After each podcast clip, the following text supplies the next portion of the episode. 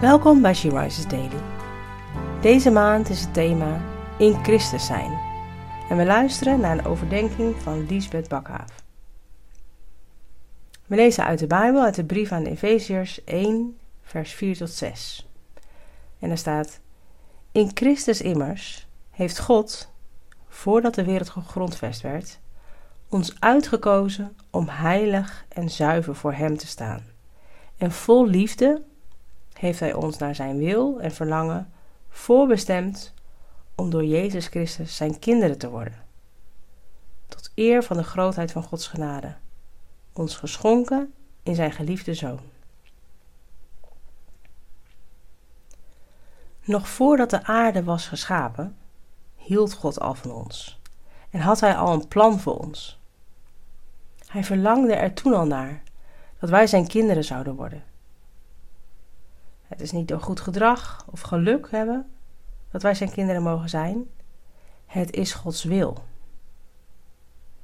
Het enige dat wij hoeven te doen is ja zeggen tegen God, door het Evangelie aan te nemen. Het is Gods bestemming voor ons. Aan ons de keuze of we hierin willen wandelen. Door ons geloof zijn wij in Christus. We horen bij Hem. En in Hem zijn we rijk gezegend. In Christus ontvangen we geestelijke zegeningen. In Christus zijn we heilig en zuiver. In Christus zijn we Gods kinderen en erfgenamen.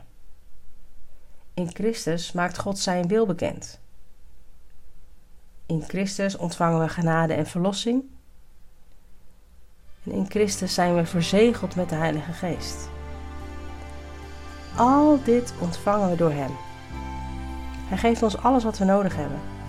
En we hoeven het niet te verdienen. Hij geeft het uit genade, tot lof van Zijn heerlijkheid. Weten dat je een kind van God bent. Wat doet dat met je? Ben je er anders door gaan leven?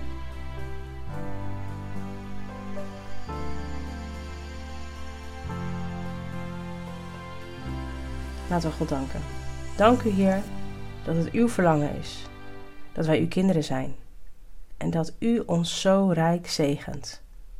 Amen.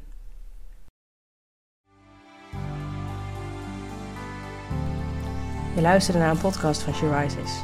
She Rises is een platform dat vrouwen wil aanmoedigen en inspireren om in hun christelijke identiteit te staan en van daaruit te delen met de wereld. Wil je onze missie steunen, dan kan dat door de vindbaarheid van deze dagelijkse podcast te vergroten. Klik op volgen of abonneren op de streamingdienst waar je deze podcast luistert of laat een review achter. Alvast bedankt.